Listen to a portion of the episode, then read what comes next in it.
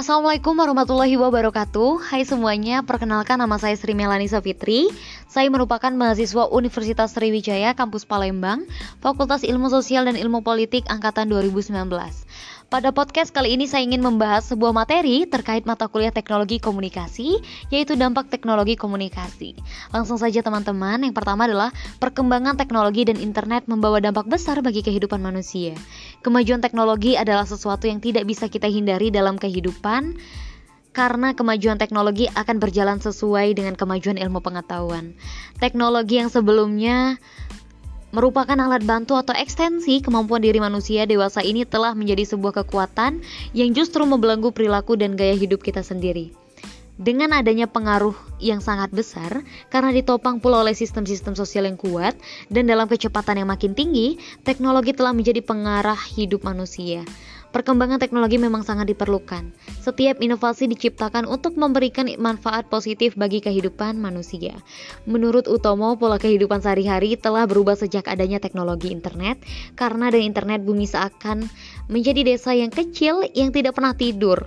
Semua jenis kegiatan dapat difasilitasi oleh teknologi internet. Internet termasuk media baru di era digital. Hal ini membuat manusia dapat bergaul dan bersosialisasi dengan memanfaatkan internet. Nah, sementara itu tempat kita bersosialisasi dan berinteraksi dalam dunia internet tersebut umumnya dikenal sebagai ruang maya atau cyberspace.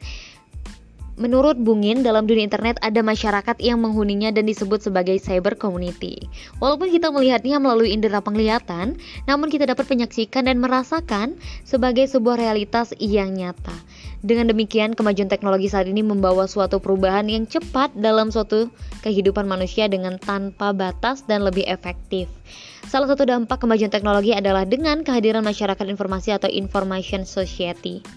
Aktivitas komunikasi dapat terlihat pada setiap aspek kehidupan sehari-hari manusia yaitu sejak dan bangun tidur di pagi hari sampai dengan manusia beranjak tidur pada malam hari. Hasil penelitian yang menyatakan bahwa presentasi waktu yang digunakan dalam proses komunikasi adalah sangat besar, berkisar antara 75% sampai 90%. Dan jumlah waktu kegiatan. Waktu yang digunakan dalam proses komunikasi tersebut 5% digunakan untuk menulis, 10% untuk membaca, 35% untuk berbicara, dan 50% untuk mendengarkan. Hal tersebut membuktikan betapa pentingnya komunikasi dalam tatanan kehidupan sosial manusia. Dengan kata lain, komunikasi telah menjadi jantung dan kehidupan kita. Komunikasi sudah menjadi bagian dari kegiatan sehari-hari. Jarang disadari bahwa pada prinsipnya tidak seorang pun dapat melepaskan dirinya dan aktivitas komunikasi. Dahulu untuk dikenal banyak orang, kita harus bertatap langsung dengan cara saling berkenalan atau bertemu secara tidak sengaja dengan orang tersebut. Tetapi di zaman yang serba modern ini, kita bisa dikenal banyak orang dan berkomunikasi secara langsung melalui media sosial, misalnya seperti Facebook, Twitter, Instagram, Pet, YouTube, dan masih banyak lagi media lain agar seseorang bisa mengenal kita dengan cara kita mengunggah foto atau video kita dapat me dalam media sosial tersebut secara tidak langsung foto kita akan tersebar di dunia maya. Kemudian postingan yang kita unggah akan direspon oleh teman kita yang sama-sama memiliki akun media sosial dengan cara memberi like atau memberikan komen dalam foto atau video yang diunggah dalam akun media sosial yang kita punya. Misalnya saja aplikasi Instagram yang saat ini sangat digemari oleh banyak orang. Menurut Paul Webster, Indonesia adalah salah satu pengguna Instagram terbanyak di dunia yaitu mencapai 25% dengan angka mencapai 400 juta pengguna. Instagram dapat menyimpan foto atau video yang kita unggah ke dalamnya, serta bisa menambahkan filter dengan editan yang bisa kita atur sendiri. Instagram adalah sebuah aplikasi berbagi foto yang memungkinkan pengguna mengambil foto, menerapkan filter digital, dan membagikannya ke berbagai layanan jejaring sosial termasuk milik Instagram sendiri. Instagram dapat diunggah melalui smartphone yang canggih seperti sekarang ini seperti iOS atau pengguna Android. Melalui Instagram kita juga bisa like atau mengomentari foto atau video yang diunggah di media sosial ini. Kehadiran Instagram menarik perhatian pengguna sosial media karena fitur yang ditampilkan bermacam-macam dengan editan yang menarik. Dengan adanya Instagram secara tidak langsung, foto atau video yang kita unggah tersebar di dunia maya. Bahkan Instagram tidak hanya dimiliki oleh remaja dan orang dewasa, anak di bawah umur juga memiliki akun Instagram. Instagram menjadi media digital yang mampu memberikan kepuasan tersendiri dibagi penggunaannya karena foto yang diunggah ke media sosial dapat menjadi sebuah album kenangan bagi dirinya dan keluarga mereka. Foto anak mereka tersebut secara tidak langsung akan tersebar di dunia maya dan anak mereka pun dapat dikenal oleh pemilik akun Instagram lainnya. Sebagai pengguna media sosial Instagram, awalnya peneliti melihat akun anak di bawah umur dimiliki oleh kalangan anak-anak artis di Indonesia. Kemudian diikuti oleh ibu-ibu lain yang mempunyai anak di bawah umur yang juga memiliki akun Instagram. Baiklah, dalam podcast ini saya akan mereview kembali materi yang telah disampaikan Bu Miftah selaku dosen teknologi komunikasi saya. Dampak itu merupakan suatu benturan atau pengaruh kuat yang mendatangkan akibat baik itu positif maupun negatif. Salah satu contoh teknologi belum semaju dan secanggih sekarang adalah dulu sewaktu belum ada mobile banking, kita harus antri ke bank apabila ingin mentransfer. Contoh lainnya saat kita ingin berpergian menggunakan Gojek maksud saya menggunakan ojek, kita harus ke pangkalan ojek. Berbeda dengan sekarang di mana kita tinggal memesan se melalui sebuah aplikasi. Ini bisa dikatakan sebagai dampak yaitu teknologi memberikan dampak yang menguntungkan bagi manusia. Tetapi aspek manusia yang dibutuhkan pada pergaulan sosial menjadi kering. Dengan kata lain, dampak akibat benturan perkembangan teknologi modern pada manusia atau pengaruh kuat teknologi pada kehidupan sosial. Teknologi pasti mempunyai dampak positif dan negatif. Yang pertama, teknologi secara nilai. Teknologi juga bebas dengan nilai-nilai tertentu dan dapat mengganggu kemampuan manusia yang berpengaruh pada perkembangan peradaban manusia. Yang pertama, negara yang kuasa menahan laju teknologi. Teknologi komunikasi berkaitan dengan segala bidang kehidupan manusia. Walaupun manusia menolak teknologi, mereka tetap akan terpengaruh pada akhirnya kita tidak bisa menutup diri pada globalisasi yang jelas membawa teknologi komunikasi. Kita hidup di era global dan saling berkaitan. Yang kedua, teknologi berkembang sangat cepat melampaui kesadaran manusia. Teknologi berkembang pesat jauh lebih cepat dari pikiran manusia itu sendiri. Perkembangan teknologi tidak dapat di dan diprediksi dan sering kali menjadi lepas kendali dan perkembangannya di luar hitungan manusia. Dengan adanya teknologi memudahkan kita dalam berinteraksi dengan manusia seperti mengirim pesan dengan sahabat kita yang di luar negeri hanya melalui smartphone. Selanjutnya adalah aktif atau pasif dalam menerima teknologi. Terhadap perkembangan teknologi komunikasi, manusia dihadapi oleh dua pilihan yaitu aktif atau pasif dalam menerima teknologi itu sendiri. Jika pasif, cenderung tidak menuruti kemauan teknologi atau menolak teknologi. Teknologi dianggap sebagai alat yang merusak tatanan selama ini jika aktif mencoba memakai bahwa teknologi harus diartikan dan diterjemahkan serta diimplementasikan dalam kehidupan sehari-hari.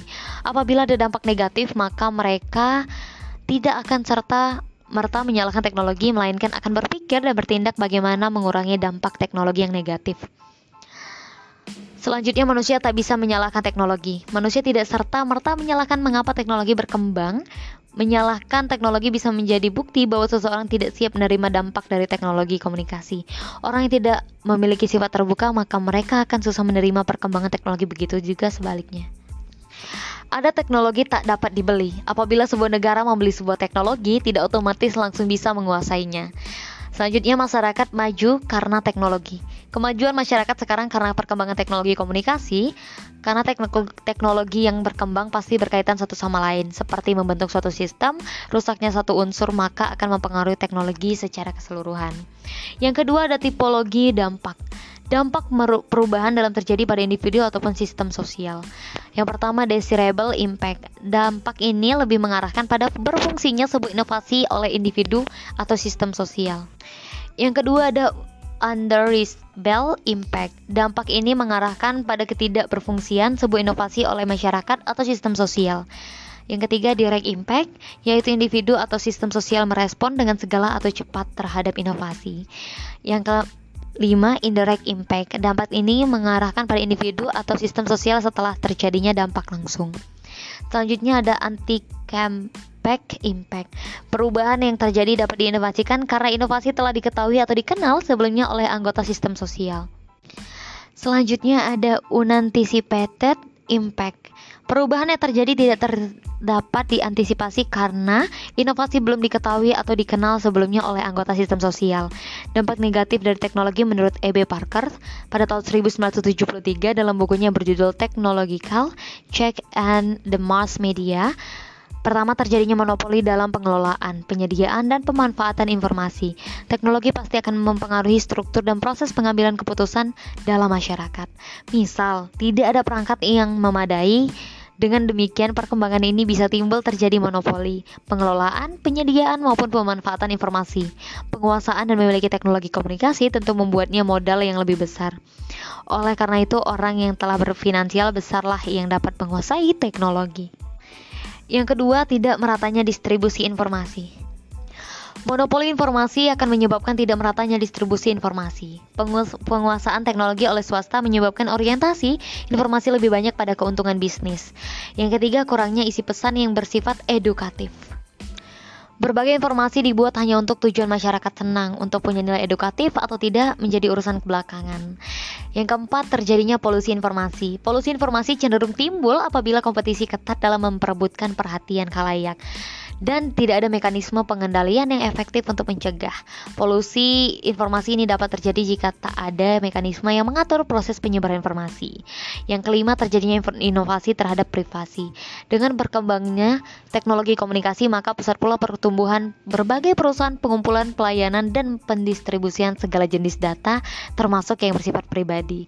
Sesuatu yang privasi akan cepat berubah menjadi konsumsi publik karena pesannya berkembang teknologi komunikasi. Yang terakhir, timbulnya permasalahan yang berkaitan dengan hak cipta. Timbulnya permasalahan yang berkaitan dengan hak cipta. Masalah pelik lain yang muncul berkaitan dengan perkembangan teknologi komunikasi adalah terkait hak cipta. Banyak sekali foto atau hal lain yang dipublikasikan tanpa disebutkan sumbernya. Dari pelanggaran hak cipta, dapat kita kemukakan beberapa catatan yaitu teknologi komunikasi pendorong dengan pelanggaran hak cipta perlu didukung pemerintah dalam menegakkan hukum hak cipta. Kurangnya apresiasi masyarakat atas karya intelektual. Selanjutnya dampak teknologi komunikasi. Yang pertama dampak sosial. Teknologi mengatasi ruang dan waktu. Saat teknologi modern belum ditemukan, dua, dua orang yang berbicara harus bertemu secara fisik di sebuah tempat. Karenanya teknologi komunikasi mengatasi ruang dan waktu. Ketika kita berbicara dengan orang lain, Asal ada teknologi, maka tidak akan ada terbatasnya ruang. Yang kedua, manusia mulai akrab dengan benda. Kebanyakan remaja saat berkumpul malah sibuk dengan gadget dan urusan masing-masing di era sekarang. Ada masyarakat terkena gejala nomofobia atau no mobile nopobia. Karena bergantungan yang tinggi dengan smartphone, mereka akan gelisah dan cemas apabila smartphone-nya ketinggalan. Gejala nomofobia ini uh, ada dalam judul uh, teknologi komunikasi dan munculnya gejala nomofobia bisa ditarik kesimpulan munculnya manusia teknologi menurunkan aspek kemanusiaan cirinya ketergantungan pada teknologi dan diperbudak oleh teknologi. Yang kedua perubahan perilaku di kalangan aktivis mahasiswa terjadi ketika mereka merasa ada yang hilang tanpa kehadiran teknologi digital dalam genggamannya. Yang ketiga munculnya makhluk individualis yang terasing dari lingkungan sosial. Nah, yang ketiga ini ada ketergantungan tinggi pada teknologi. Ketergantungan yang dimaksud adalah saling ketergantungan antara manusia sudah mulai menurun. Manusia mulai menggantungkan kehidupannya pada teknologi. Ketergantungan manusia dengan teknologi mengakibatkan miskinnya pergaulan sosial dengan sesama. Yang kedua ada dampak budaya. Yang pertama ada budaya seragam. Teknologi memungkinkan terjadinya pertukaran informasi antar komunitas, kelompok, bahkan negara begitu cepat. Untuk itu, saling mempengaruhi dan pertukaran antar kelompok tidak bisa dihindari. Marshall M. Luhan pernah mengatakan dunia sebagai global village. Kampung global terjadi karena penyebaran informasi antar negara hampir tak terbatas. Akibatnya terjadi penyeragaman pengetahuan sikap perilaku yang tidak terbendung. Yang kedua ada imperialisme budaya. Teknologi komunikasi juga memunculkan imperialisme budaya jika kolonialisme itu penjajahan suatu negara dengan menduduki secara fisik, maka imperialisme bisa dikatakan penjajah terselubung. Imperialisme uh, budaya dilakukan negara maju kepada negara berkembang yang membuatnya menjadi ketergantungan. Yang ketiga ada lunturnya cinta budaya sendiri. Imperialisme menciptakan budaya seragam, akibatnya selanjutnya adalah mulai lunturnya budaya sendiri. Yang ketiga, dampak ekonomi. Yang pertama, kapitalisme global. Kapitalisme global ini didukung dengan kecenderungan menyerahkan distribusi barang ke pasar, yang artinya fenomena munculnya kebebasan pasar dan pasarlah yang berperan dalam distribusi barang dan jasa. Ini berarti peran pemerintah sedikit demi sedikit mulai dikurangi. Yang kedua, industrialisasi. Teknologi komunikasi akan menciptakan atau mempercepat industrialisasi, artinya aspek produksi yang mengandalkan mesin akan menjadi pilihan utama sementara manusia hanya operatornya. Yang ketiga, efisiensi biaya. Teknologi memang tidak mudah untuk mengembangkan teknologi membutuhkan biaya yang tidak sedikit, sehingga membuat persaingan di dunia kerja semakin ketat. Banyak dibutuhkan keterampilan dan pengetahuan yang luas. Yang keempat, ada dampak politik. Dampak politik ini yang pertama ada demokratisasi. Teknologi komunikasi telah memberikan pengaruh pada warga negara untuk berpartisipasi secara lebih baik dalam pemerintahan. Demokrasi yang diakibatkan oleh teknologi komunikasi juga membuka mata banyak pihak di negara berkembang akan pentingnya partisipasi rakyat dalam pemerintahan. Penjajahan politik. Maksud dari penjajahan politik ini adalah bahwa semua negara yang mengadopsi sistem politik negara lain bisa dikatakan terjajah secara politik. Penjajahan ini bisa dikatakan adanya ketergantungan dalam sistem politik antar negara. Selanjutnya ada transparansi politik. Teknologi komunikasi juga berdampak pada transparansi politik. Politik yang sebelumnya tertutup lambat laun akan terbuka karena tuntutan masyarakat. Selanjutnya ada antisipasi dampak. Yang pertama literasi teknologi, yang kedua peran pemerintah, yang ketiga kesadaran masyarakat. Teknologi ini memiliki dampak yang positif maupun negatif. Dampak positifnya adalah menghubungkan orang di seluruh dunia. Perkembangan teknologi komunikasi saat ini memiliki dampak global. Artinya jika dahulu Anda memiliki keterbatasan jarak untuk bisa berkomunikasi dengan orang lain, tidak demikian dengan sekarang. Tidak terbatas antar kota dan antar wilayah saja. Komunikasi saat ini dapat terjalin bahkan ke semua orang yang ada di seluruh penjuru dunia. Bukan hanya itu saja, Anda pun dapat terhubung dengan sangat cepat bahkan dalam hitungan detik saja. Yang kedua, penyebaran informasi yang cepat. Perkembangan teknologi juga memberikan dampak positif pada penyebaran informasi. Jika dahulu Anda mengandalkan surat kabar atau televisi untuk tahu informasi terkini, sekarang internet mengambil peran keduanya. Kehadiran internet membuat penyebaran informasi terjadi dengan sangat cepat bahkan real time. Apa yang terjadi detik ini di belahan bumi lain dapat secara langsung Anda ketahui juga. Yang ketiga, munculnya media sosial. Salah satu perkembangan teknologi komunikasi ditandai dengan munculnya media sosial. Media sosial adalah sarana untuk Anda bisa terhubung dengan teman, keluarga, kerabat di mana saja melalui suatu platform khusus. Contoh sosial media yang banyak dipakai oleh masyarakat adalah Facebook, Instagram, dan Twitter.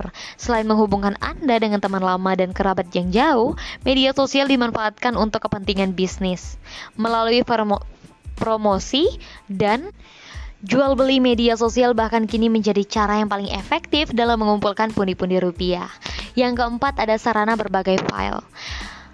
Perkembangan teknologi komunikasi yang ada sekarang juga memudahkan Anda untuk berbagi file, mulai dari musik, video, film, dan berbagai data lainnya. Dapat Anda peroleh dengan beberapa klik saja. Melalui media perantara internet, kegiatan berbagai file ini menjadi lebih mudah, lebih lagi untuk dilakukan. Yang kelima adalah memajukan dunia pendidikan. Perkembangan teknologi komunikasi yang pesat juga mendukung kemajuan dunia pendidikan.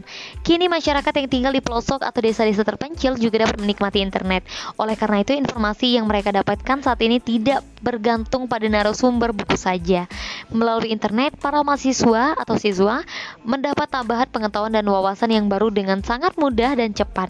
Pemerataan pendidikan pun sekarang menjadi hal yang tidak mustahil lagi mengingat teknologi komunikasi sekarang dapat dirasakan manfaatnya bahkan di tempat terpencil. Di samping memberikan banyak dampak positif, ternyata masih ada dampak negatif yang bisa terjadi dalam perkembangan teknologi komunikasi. Kemajuan teknologi komunikasi yang ada sekarang justru menurunkan semangat juang bagi sebagian orang karena segala terasa mudah. Banyak murid misalnya yang hanya murni melakukan copy paste dalam mengerjakan tugas-tugas yang diberikan oleh guru. Dalam bidang bisnis, kemajuan teknologi komunikasi juga memicu maraknya cybercrime. Kejahatan virtual seperti hacking dan carding juga telah merugikan banyak orang. Oleh sebab itu, Anda harus lebih berhati-hati dalam melakukan transaksi online agar tidak terjerumus dalam penipuan. Pesatnya perkembangan teknologi komunikasi yang ada sekarang juga menyerang kehidupan sosial masyarakat. Tindakan cyberbullying penyebaran berita hoax, ujaran kebencian, dan konten pornografi dinilai cukup meresahkan. Efek yang ditimbulkan pun bukan perkara sepele, karena akan merusak generasi bangsa dan memecah belah persatuan. Selain itu, saya ingin memaparkan contoh dari dampak teknologi komunikasi. Di sini saya mengambil kasus negatif dari dampak teknologi komunikasi, yaitu contoh kasus cybercrime. Seiring dengan perkembangan teknologi internet, menyebabkan munculnya kejahatan yang disebut dengan cybercrime atau kejahatan melalui jaringan internet, munculnya beberapa kasus cybercrime di Indonesia seperti pencurian kartu kredit, hacking beberapa situs, menyadap transmisi data orang lain, misalnya email, dan memanipulasi data dengan cara menyiapkan pemerintah yang tidak dikehendaki ke dalam programmer komputer. Sehingga dalam kejahatan komputer dimungkinkan adanya delik formil dan delik material. Delik formil adalah perbuatan manusia atau seseorang yang memasuki komputer orang lain atau tanpa izin. Sedangkan delik material adalah perbuatan yang menimbulkan akibat kerugian bagi orang lain. Adanya cybercrime telah menjadi ancaman stabilitas sehingga pemerintah sulit mengimbangi teknik kejahatan yang dilakukan dengan teknologi komputer, khususnya jaringan internet dan internet. Contoh kasus yang pertama adalah perjudian online. Pelaku menggunakan sarana internet untuk melakukan perjudian online. Seperti yang terjadi di Semarang Desember 2006 silam, para pelaku melakukan praktiknya dengan menggunakan sistem member yang semua anggotanya mendaftar ke admin situs itu atau menghubungi nomor HP. Mereka melakukan transaksi online lewat internet dan HP untuk mempertaruhkan pertarungan bola Liga Inggris, Liga Italia dan Liga Jerman yang ditayangkan di televisi. Untuk setiap petarung yang berhasil menembak skor dan memasang 100 ribu bisa mendapatkan uang 100 ribu atau bisa lebih. Modus para pelaku bermain judi online adalah untuk mendapatkan uang dengan cara instan dan sanksi menjerat para pelaku yakni dikenakan pasal 303 tentang perjudian dan Undang-Undang 7 garing 1974 pasal 8 yang ancamannya lebih dari 5 tahun. Selanjutnya salah satu contoh kasus yang terjadi adalah pencurian dokumen terjadi saat utusan khusus Presiden Susilo Bambang Yudhoyono yang dipimpin Menko Perekonomian Hatta Rajasa berkunjung di Korea Selatan. Kunjungan tersebut antara lain guna melakukan pembicaraan kerja sama jangka pendek dan jangka panjang di bidang pertahanan.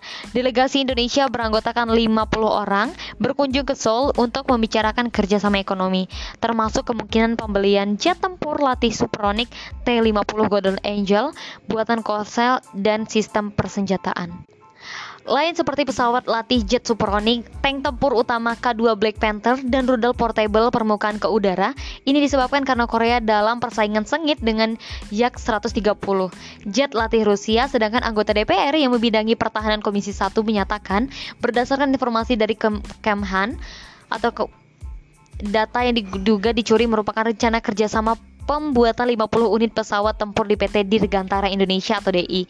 Pihak PT DI membenarkan sedang ada kerjasama dengan Korsel dalam pembuatan pesawat tempur KFX Korea Fighter Experiment. Pesawat KFX lebih canggih daripada F-16.